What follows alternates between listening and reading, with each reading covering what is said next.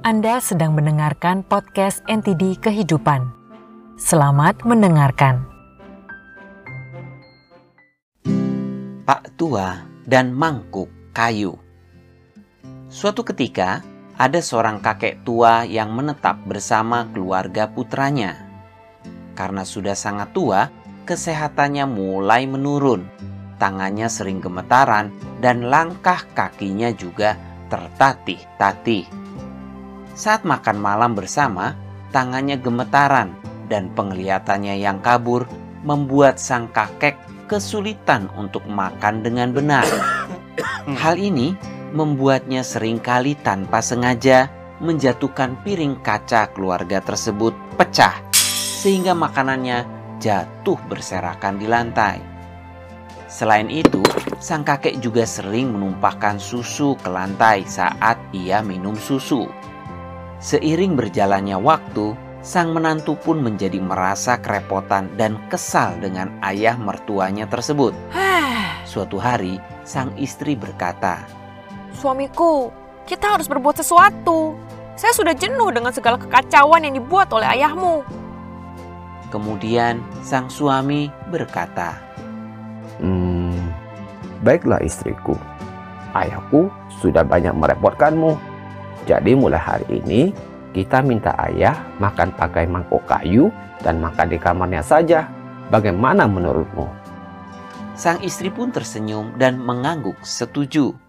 Sejak itu, si kakek makan sendirian dengan mangkuk kayu di kamarnya. Sedangkan putra beserta keluarganya menikmati makanannya di meja makan. Sang kakek sering kali menangis diam-diam karena merasa sakit hati dan dikucilkan. Namun tanpa diduga, cucunya yang baru berusia enam tahun ternyata memperhatikan kejadian tersebut.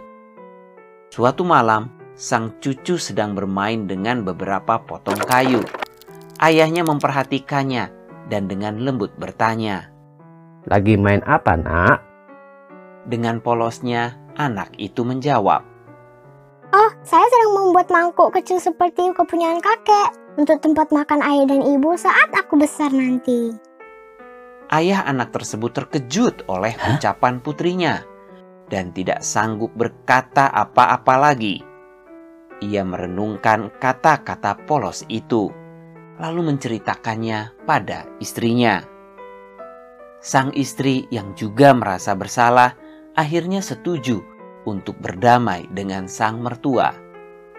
Malam itu juga, suami istri tersebut meminta maaf pada kakek tua tersebut, lalu membawanya kembali ke meja untuk makan malam bersama lagi. Akhirnya, di sisa hidupnya, sang kakek tua itu bisa menikmati lagi makan bersama anggota keluarganya di meja makan dengan bahagia.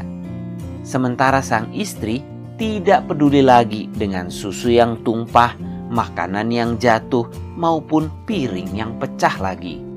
Karena ia telah menyadari satu hal, apa yang kita tabur, itulah yang kita tuai. Selama orang tua masih hidup, kita harus menghormati, merawat, dan mencintai mereka dengan sepenuh hati. Singkirkan perasaan malas dan kesal saat merawat orang tua bagaimanapun keadaan mereka. Yakinlah bahwa sikap Anda pada orang tua saat ini adalah sikap anak atau menantu pada Anda ketika Anda telah tua nanti.